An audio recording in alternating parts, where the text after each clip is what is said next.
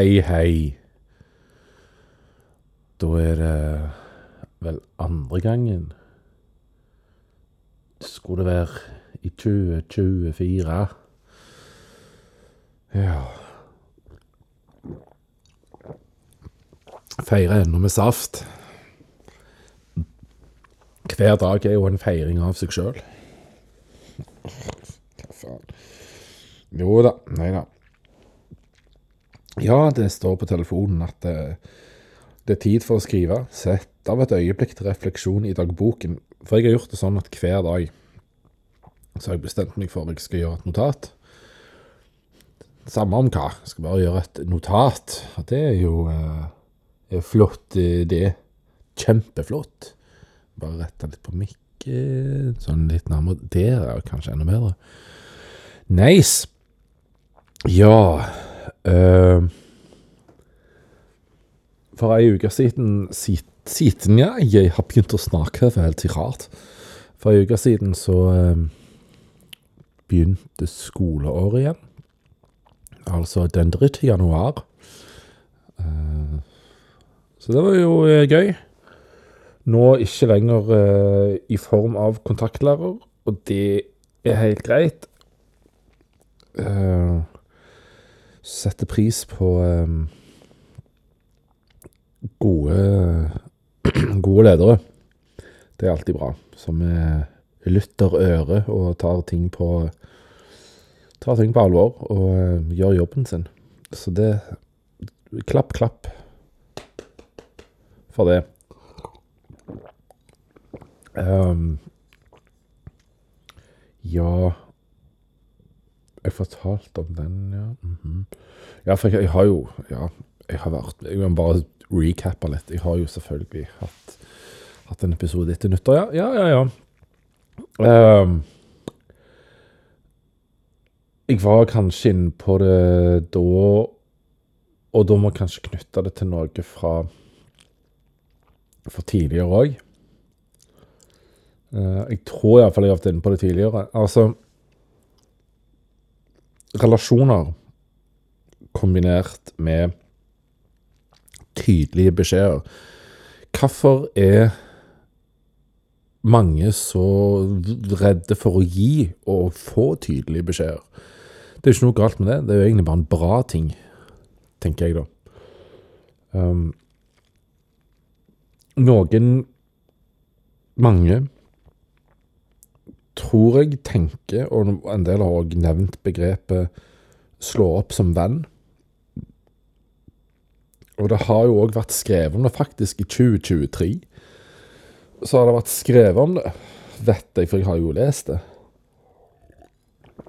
Det med å slå opp som venn. Og jeg liker ikke begrepet. Eller i det hele tatt bare begrepet 'slå opp'. For det virker som om det innbefatter noe som egentlig er umulig å gjøre.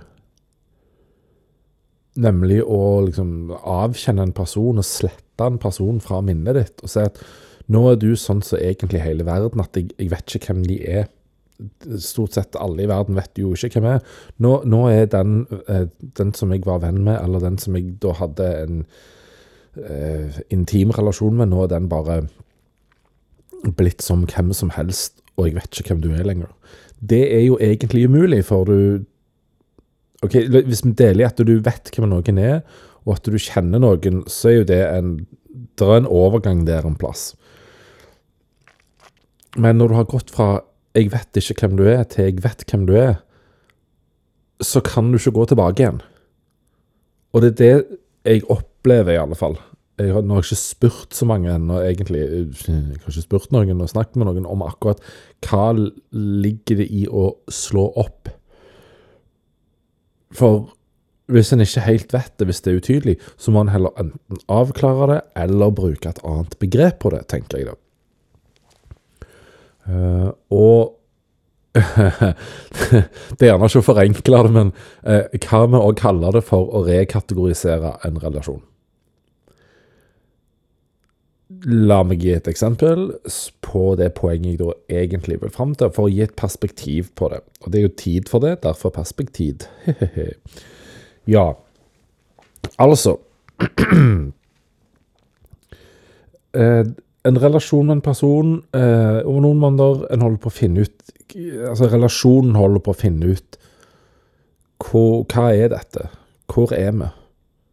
Um, og da er det eh, i mitt hode igjen De aller fleste i verden, langt på vei alle i verden, basically, er utenfor kategori fordi du vet ikke hvem de er.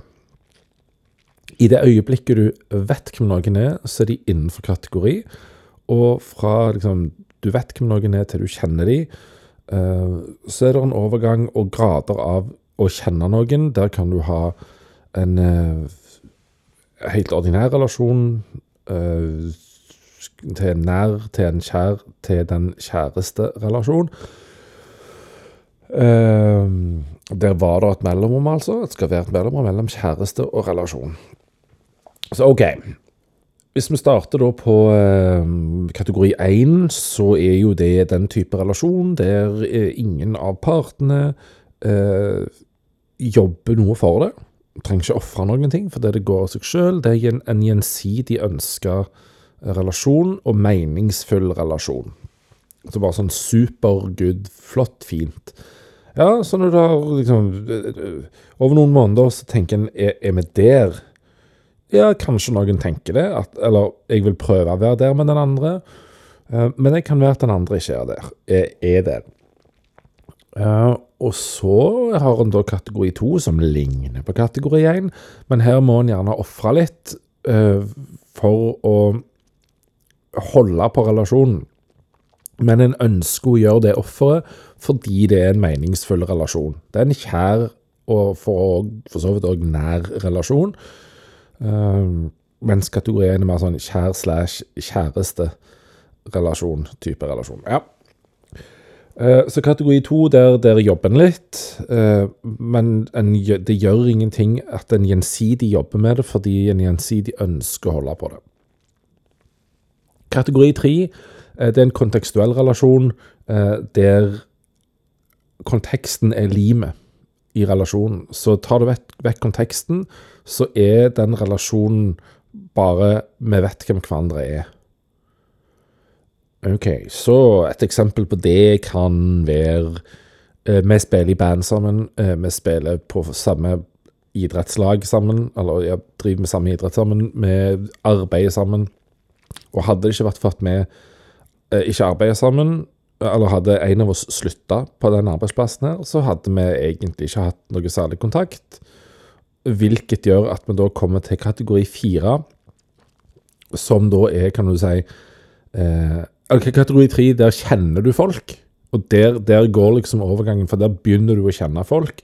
Og så kjenner du de bedre når du kommer til kategori to, og så kjenner du de virkelig godt når du kommer til kategori én. Kategori tre eh,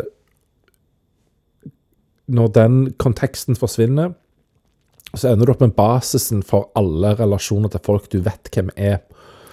Og det er at du vet hvem de er. Hvis du møter dem på gata, så sier du hei til dem. Eh, dere kan omgås i minnelige former. Eh, møtes dere på samme festen, så sier dere hei og slår av en drøs. Kanskje, kanskje ikke, men en sier iallfall hei og nikker og smiler, og, og har ingen problem med det. Så det, det, er ikke noe negativt med noen av dem, og ingen er stivna i noen ting, og det går an å gå opp og ned Ikke opp og ned, for det er ikke et vertikalt system. Dette er bare sånn et dynamisk glidende system eh, der ingen relasjoner er bedre enn de andre, de er bare annerledes og har andre kvaliteter. Hvis du da eh, ønsker med en person å ha deg i kategori 1, mens den andre eh, egentlig bare kan vi ikke bare ha det på fire? Da vinner fire. Det høyeste tallet vinner alltid, hvis en er i, i, konflikt om hva en vil ha. Um, OK. Så skjedde det da at over noen måneder så er det en, ehm, en relasjon med en person der relasjonen prøver å finne ut hvor er dette? Er det en kontekstuell relasjon, eh, eller er det noe mer? Er det en relasjon der en er interessert i å jobbe, eller eh, skal denne bare gå helt Er det en relasjon som går av seg sjøl? Eh, det var det ikke. For her var det snakk om at en måtte jobbe. Eh, OK, men det er greit. Da er det kategori to. Men det var kanskje ikke helt det heller. Poenget bare at til slutt så ga den ene parten i relasjonen beskjed om at vår eh, Det var feil ord å bruke som kom da, men jeg forstår hva poenget var. Um, så det var altså ikke jeg som ga beskjeden, jeg fikk beskjeden. Vår eh, familiære relasjon er over. Vi er jo ikke i familie, så det er ikke en familiær relasjon. Eh, men liksom, det, den relasjonen vi har hatt til nå som eh, at vi kjenner hverandre, den er nå over. Nå vet vi hvem hverandre er. Det jeg forsto ut av det, det var at nå er vår relasjon kategori fire. Det var ei utrolig takknemlig melding å få. Eh, og det er ikke å slå opp. Det er å avklare. Det er å eh, rekategorisere, eller kategorisere, kan du si, en, eh, en relasjon og si hva type relasjon er det. Det er helt avklarte forventninger. Jeg forstår. OK, da, da er det det. Og det var en forbanna lettelse. Um, for da trenger en ikke gå rundt og lure og lete og uh, være usikker og alt det der. Da er det det, det. Takk og pris. Så Jeg vet ikke om en skal omdøpe uh, slå opp som venn til rekategorisere relasjonen. Men det er fremdeles en mer treffende, mer presis Ikke definisjon, men beskrivelse av hva som egentlig skjer. Fordi en har ikke sagt i denne meldingen her at nå trykker jeg på avkjenn-knappen. Eh, som en sånn jævla sosial media-ting. At det, jeg avfriender deg. Un, eh, nei, du unfriender ingen. Eller Nei, nei, faktisk ikke. Uh, du bare sier Vi omgås ikke på denne måten. Vi omgås på en annen måte. Når vi møtes, er det sånn. Herregud, så fint det Det er ikke å slå opp. Så det var bare for å gi litt perspektiv på det. Jeg, for min del er det perspektivet. Um, og det har jeg vært inne på før òg. Og jeg sa at dette her ga en veldig sånn ro Uh, og, og jo, ga meg ikke dårlig samvittighet for relasjoner som glei over i en ny fase. Eller som av seg sjøl egentlig bare um, ble rekategorisert. Fordi i en relasjon Eller når det er to personer i en relasjon, så er det faktisk tre entiteter involvert. Og det er hver enkeltperson pluss relasjonen, som i seg sjøl er en entitet så Hvis den endrer seg, så bør jo personene tilpasse seg den endringen. Eh, hvis eh, den ene personen endrer seg, så bør jo relasjonen endre seg med, og så da bør jo kanskje òg den, den, andre personen i relasjonen endre seg med det. Sånn at det bør være dynamisk. Eh, hvis begge personene endrer seg, men relasjonen kanskje da er kontekstuell, og en ikke lenger er i den konteksten, så har egentlig relasjonen endra seg likevel. Uh, selv om en ikke bevisst har tenkt gjennom det. Og da vil en tro nå slår vi opp fordi en oppdaterer relasjonen. Nei, en slår ikke opp. En oppdaterer relasjonen. Kanskje det er et eh, mer treffende, positivt eh, begrep som ikke gir den der eh, litt kjipe følelsen når du sier 'rekategorisere relasjon'. Så får en gjerne en litt sånn eh, følelse av det. Men, men, å oppdatere en relasjon, det handler bare om at eh, vi to gikk bitte litt forskjellig vei. Eh, men så ble relasjonen litt stående. Vi skal ikke oppdatere den ut fra hvor vi er nå? Jo, la oss avstemme av kart og terreng her. eh, så ser en at ah, relasjonene endrer seg. Og da er det helt fint at den andre sier En, en av de eller sier til den andre, og begge erkjenner at ja, det var der han var, ja. Så nå har han endra seg. Nå, nå, er vi der. Ja, sannelig min hatt. Da er vi der. Så sånn er det. Eh, da, da, tror jeg jeg setter en liten eh, Jeg vet ikke om punktum, men eh, Eller komma, jeg vet ikke hva som er riktig. Kanskje et semikolon etterfylt av en såkalt ellipse. Det folk kaller for plikk, plikk, plikk. Prikk, prikk, prikk. Uh, ja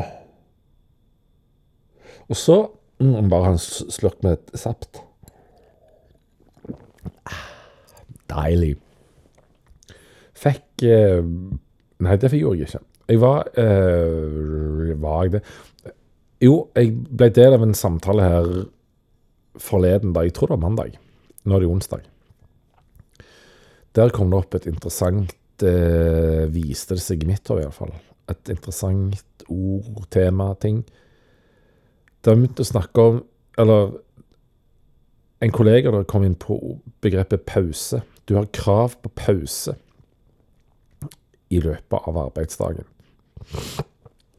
Og så var det sånn, ja eh, Nå jobber jo jeg i Nå arbeider jo jeg i et yrke der du har mye omgang med elever.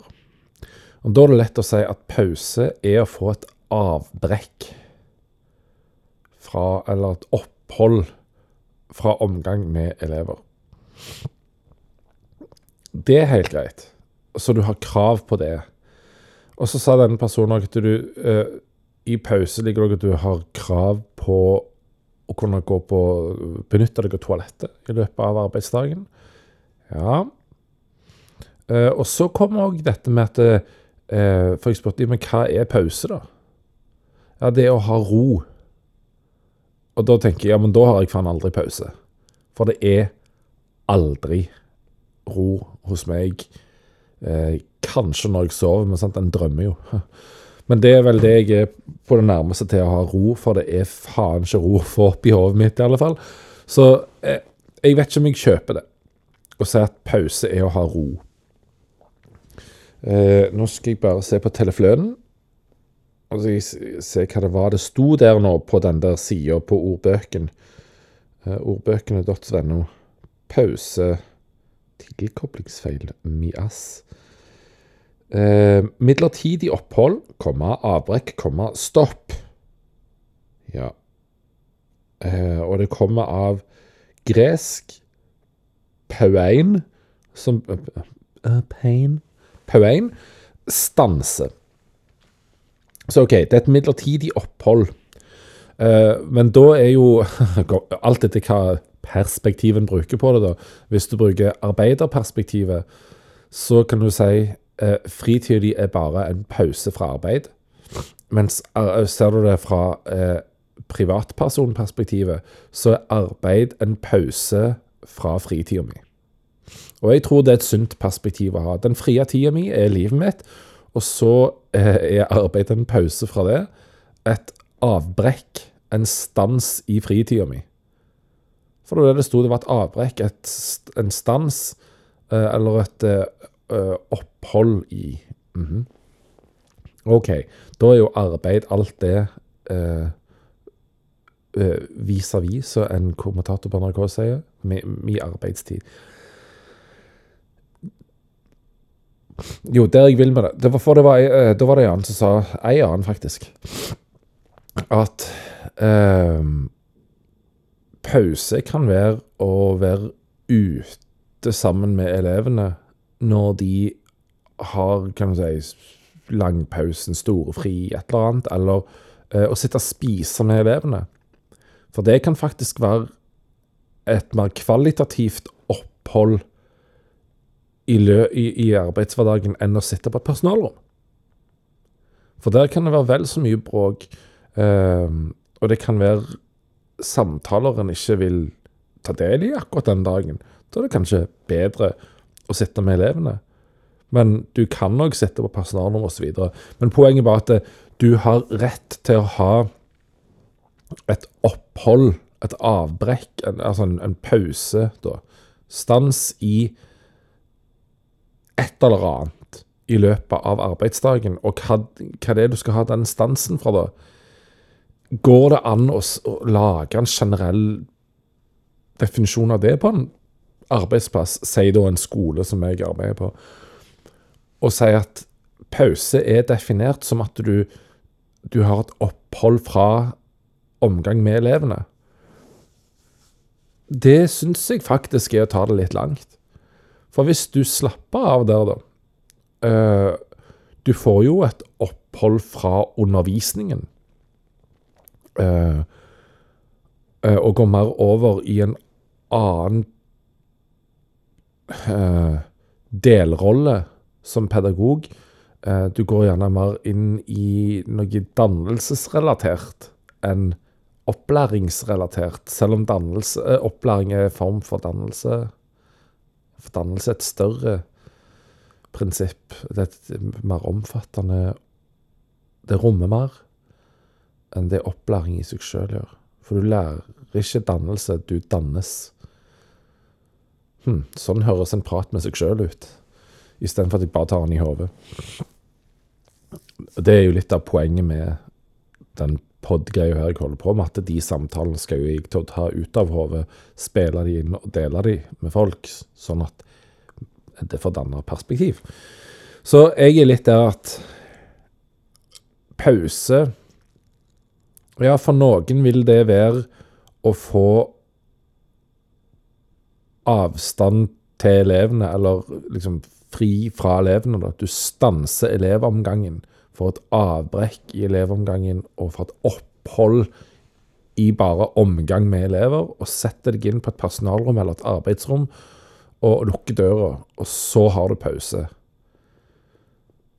Uh, mens for andre så kan det uh, fra dag til dag, det kan jo variere, men akkurat den dagen så kjenner du at det ble litt mye, faktisk, å sitte på personalrommet. Eller bare omgås de andre voksne for det var nokså problemfritt, og det er nokså problemfritt å omgås disse kidsa, da. Så da syns jeg ikke at eh, en fagforening eller en uh, resultatenhetsleder, som det nå heter, og ikke rektor, um, at de skal ikke sitte og bestemme hva pause er, men å si at du har krav på pause. Og det betyr at den tida, siden det er Hvis det ikke er betalt pause, så kan ikke de komme og fortelle deg hva du skal gjøre i den tida, for da styrer du hvor du skal være. Eh, men du må jo være tilgjengelig for arbeidsgiver selv om du ikke har betalt pause. Har du betalt pause, så kan faktisk din arbeidsgiver da si du skal være der, for du har betalt pause. Vi må jo da være tilgjengelige for elevene, så det blir litt rart hvis jeg sier jeg, eh, jeg tar min pause hjemme. Eller på, på bostedsadressen min. Eh, selv om det bare er et, lit, et, et, greit steinkast vekke fra gjerdet til skolen, så eh, blir det veldig rart likevel at jeg tenker nå går jeg til bostedsadressen min. Og så setter jeg meg eh, på toalettet der og benytter meg av det. Og så lager jeg litt mat, og så går jeg tilbake igjen til skolen. Nei, det blir veldig merkelig. Men det er greit at jeg i stedet for å sette meg på pauserom, i personalrom eller arbeidsrom, oppholder meg i et klasserom. For det har jeg lov til å bestemme sjøl, utover den tida som arbeidsgiver har definert hvor jeg skal være. Så ja, det harmonerer i mitt hode. Så vi har jo noe som heter spisevakt på, i, i ungdomstrinnet. Da er det sånn at du, du skal være mellom klasserommene, og, altså bevege deg mellom klasserommene og bare se til at ting går fint for seg. Og da har du 20 minutter som definert at det skal du gjøre. Hvis jeg ikke er satt til å gjøre det, så betyr det at da er jeg fristilt de 20 minuttene. Da kan jeg styre hva min pause er den dagen.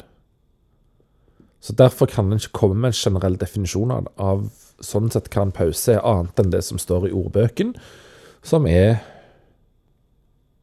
Hva er igjen, altså? Bare slå opp det.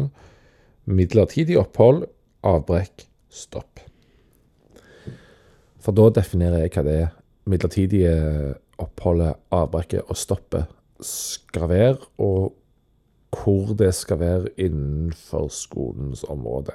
Så jeg kan faktisk eh, gi meg sjøl en utendørsinspeksjon om jeg vil, fordi jeg kjente at den dagen, eller akkurat de 20 minuttene, eller den halvtimen som ikke var definert der, det har jeg lyst til å være ute for. Jeg trengte frisk luft.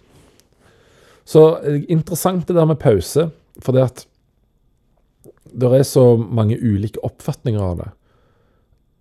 Men det står jo ingen plass at den pausen må være på et pauserom eller et personalrom. Det står jo ingen plass. Men det er jo en gammel oppfatning som bare har fått lov til å ligge der. Uh, og det er de jeg syns skal være litt bevisst og, og være litt kritisk rundt. At, ja, men hva, hva ligger i det? Uh, er det nedfelt en plass, eller er det ikke det? Eh, er det bare sånn fordi vi har gjort det sånn over tid, og så gjør vi sånn bare fordi alle andre gjør sånn, altså at vi driter i buksa bare fordi alle andre gjør det, og alltid har gjort det? Ja, men det, jeg gidder ikke det. Jeg vil ha et bevisst forhold til det. Syns jeg en skal gjøre det. Det er bare perspektiv, det er ikke en sannhet med to streker under. Og så merker jeg at det irriterer meg litt at eh, konsonanter som sørpå hadde vært litt blaute, har blitt litt eh, Motsatt av blaute er jo tørre. Har blitt litt tørre her oppe. Så jeg har, jeg hørte, jeg har hørt noen ganger jeg har sagt 'tilbake', eh, og så nettopp to streker. Jeg skal jo ikke snakke sånn. Fysj. Må, må være litt mer old school og true. Må, må holde litt på dialekten. Eh, det er jo veldig nitsjiansk, så vidt jeg husker. For liksom du, du, du, må holde på noe og være liksom ekte mot noe. Det er Men correct me if I'm wrong. Og så vet jeg at en, en fast tilhører, eller follower, av denne podcasten ga meg for mange år siden en bok eller lånte meg to bøker for en del år siden. Placebo-defekten og Icon. Og eh, du vet hvem du er. Hvis du vil ha de bøkene tilbake, tilbake når jeg har lest de, skal du få det. Eller så eh, så tenker jeg at de skal få en ny eier, men det er jo dine bøker. Så da vil jeg gjerne høre hva du tenker at det er innafor å gjøre med dem. Nå holder jeg på med Icon, har kommet ca. en tredjedel inn i den. Uh, og veldig Det handler jo da om godeste Steve Jobs, som uh, var co-founder av Apple, sammen med Stefan Gary Wozniak, også kjent som Steve Wozniak. The Was og The Job. Um, han blir ikke kalt for The Job. Og, og samme hvordan en vrir og vender på det, så var jo Steve Jobs en vanvittig visjonær type, men på den annen side Herregud, for et dass. Å, fy faen. Flink til å få folk til å ønske å gjøre den jobben de gjorde. Ikke nødvendigvis for han, men for noe større, og for å være en del av det større, uh, som han da klarte å sette ord på for å få de til å kjenne på at ja, det ønsker jeg. Og så var det gjerne mer ut av frykt for han, eller for å miste jobben, og få en rant av han, at de gjerne ikke da sa imot han, men ble påminnet at du, dette her greater good som du jobber for uh, tenk på det. Her, eh, her kommer vi snart til å endre verden. Og, Fy fader for en misjonær, fy fader for et dass. Og bare etter å ha lest en tredjedel av boka, så jeg, jeg, har vel kommet til Det er vel cirka Det nærmer seg vel 1985. Uh, ja, nei, veldig interessant. Og uh, boka som eieren av boka sa når boka, ble gitt meg i hende, at tittelen Icon er jo skrevet med liten i, sånn som Apple-produkter ofte er, og stor bokstav nummer to. Så Icon med I, liten I, stor C, liten ON.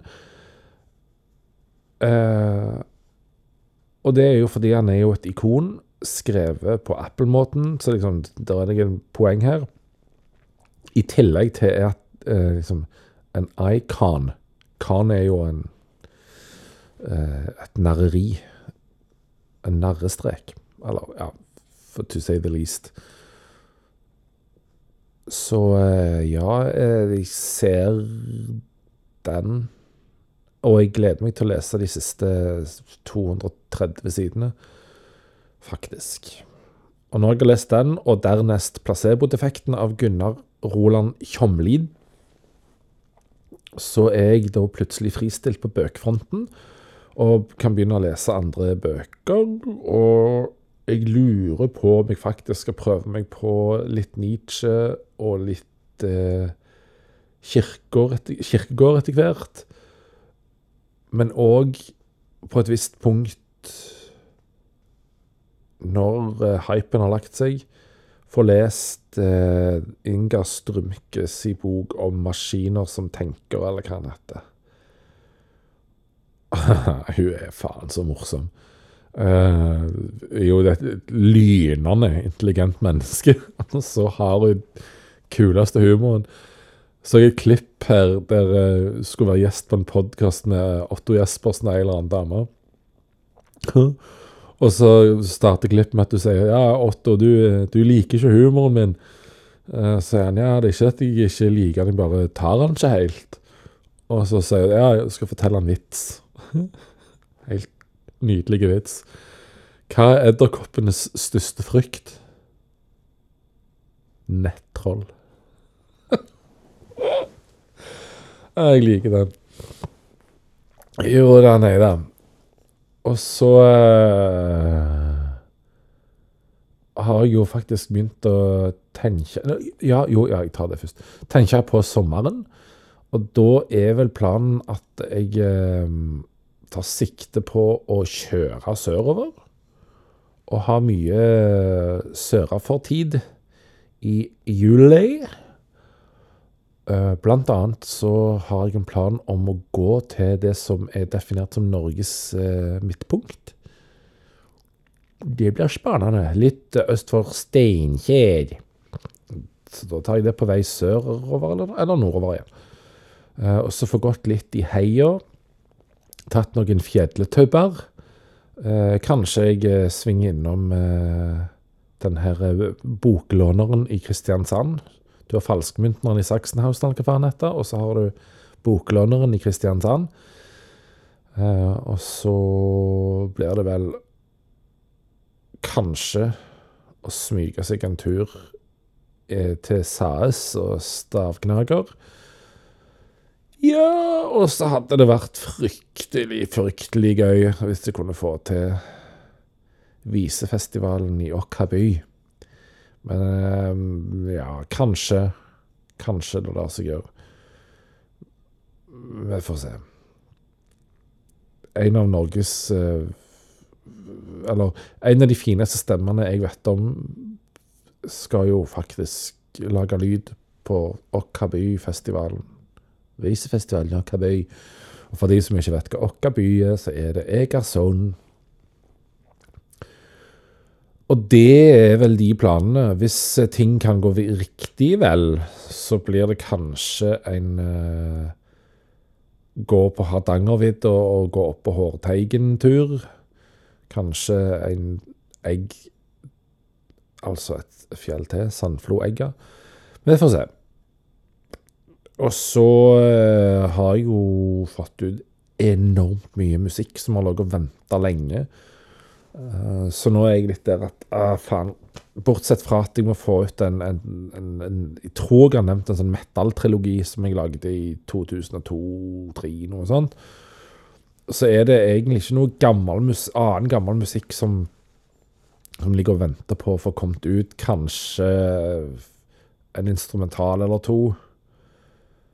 Uh, men det er litt sånn hva, hva, skal nå være det kreative prosjektet mitt? Nå har jeg jeg har pod. Jeg har gitt ut tre bøker sjøl. Jeg har fått gitt ei ut gjennom forlag. Jeg har fått gitt ut shitloads av musikk bare i desember 23. Hva faen skal jeg gjøre det er en sånn kreativ eh, livskrise? Hva skal jeg gjøre? Hmm. Hvis noen av dere som hører på, uh, har lest de tre bøkene fra i høst og, syns at det, det, kan gjerne komme flere bøker, så er det lov å si at det, du, du må gjøre det, det hadde vært kult. Hvem faen sa Å oh, ja, nå fikk jeg melding. Ja vel. Um, jo da, nei da. Så sånn er det. Uh, ja, så hvis du, hvis du har syns det hadde vært gøy med flere bøker, så må du bare gjerne gi tommel opp om det. For jeg har uh, egentlig seks bøker liggende klar, så jeg kan gi ut hva tid jeg vil. Gitt eh, at det er litt økonomisk rom for det. Mm. Ja, altså det Krise. Mitt livs krise. Jeg vil jo ikke si det er en krise. Greit du kan ha en sånn Nei, det er ikke en krise å stå i at liksom Hva er det neste kreative prosjektet nå, liksom? For det er heller ikke en krise. Det er bare en sånn standstill og, og sånn dødpunkt at Hva faen skal jeg gjøre? Føler jeg har achieved uh, Begynner jeg å høres ut som en jævla influencer. Um, jeg har oppnådd egentlig alt det, og, og kanskje litt til, av det jeg håpet jeg kunne i livet, faktisk. Så det er litt sånn Ja, nå står jeg på trappene til alt som er bonus. Hva er det? Hva ligger i den bonuspaketen? Det vet jeg ikke. Så jeg, jeg tar gjerne imot tips til hva, hva en tenker liksom, Prøv det. Jeg har veldig lyst til å teste ut randonee jeg har lyst til å ta vårt. Jeg har lyst til å lære meg kiting og tatt et fall, fallskjerm tandemhopp, for jeg må bli hoppa ut av et fly. For jeg hopper ikke ut av et, frivillig ut av et fly som virker, så noen må hoppe meg ut. Så det er sånne kan man si, friluftsprosjekter. Og så er det å gå turer og overnatte på DNT og alt det der. Det, der har jeg nok av ting. Men på det kreative hmm, Fått the walk. Hva kan jeg gjøre? Ta gjerne mot tips. Jeg kan gjerne gå i samarbeid med noen òg. Uh, eh, ja Men ja, og så det der med krise. Nei uh, Ja, jeg, jeg ble sykemeldt uh, av depresjon og angst når jeg var tredje år, nesten tredje år. Og det var ikke en krise. Det vil jeg heller si var en uh, midtlivserkjennelse, eller midtlivsinnsikt. For det var det det faktisk var og blei. Uh, og det setter jo ting i perspektiv, når du får den innsikten. Og du ser at ei, krisene er mer det jeg har gjort fram til nå, men ikke at jeg stopper opp og tenker Ei, faen gjør jeg nå? Hva er det lurt å gjøre nå? Uh, hva, hva, hva, retning skal jeg gjøre nå, eller hvordan skal jeg eh, fortsette å bygge stillaset som livet mitt står på, eller eh, skal jeg rase det ned og bygge opp på ny? Hva gjør jeg? Og jo, jeg tror jeg tar kanskje det neste gang. Noe som spiller litt på det.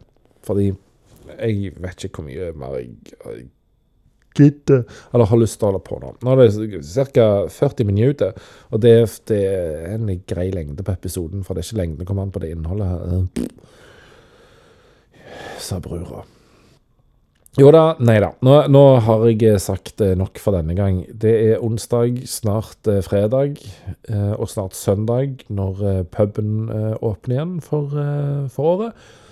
Etter å ha stengt har vært stengt noen uker. Satser på at det er søndagsbuffé. For da kan jeg gå og ete meg litt middag der på søndag. Eh, Det blir sikkert fint. Og så blir det lønningsplease på hotellet på fredag. Da blir det vel eh, sikkert en Munkholm og to. Ja, ja det er helt serr. Helt serr. En Munkholm og to. Ja. Jeg tror jeg setter en strek der strek meg er. Eh, ha en fortreffelig eh, dag Eller ha, ha det fortreffelig i fortsettelsen. Samme hva du har hatt fram til nå. Ikke ha en krise. Få en dyp erkjennelse og dyp innsikt. Ha det fortreffelig videre. Tudli budli chidli bang.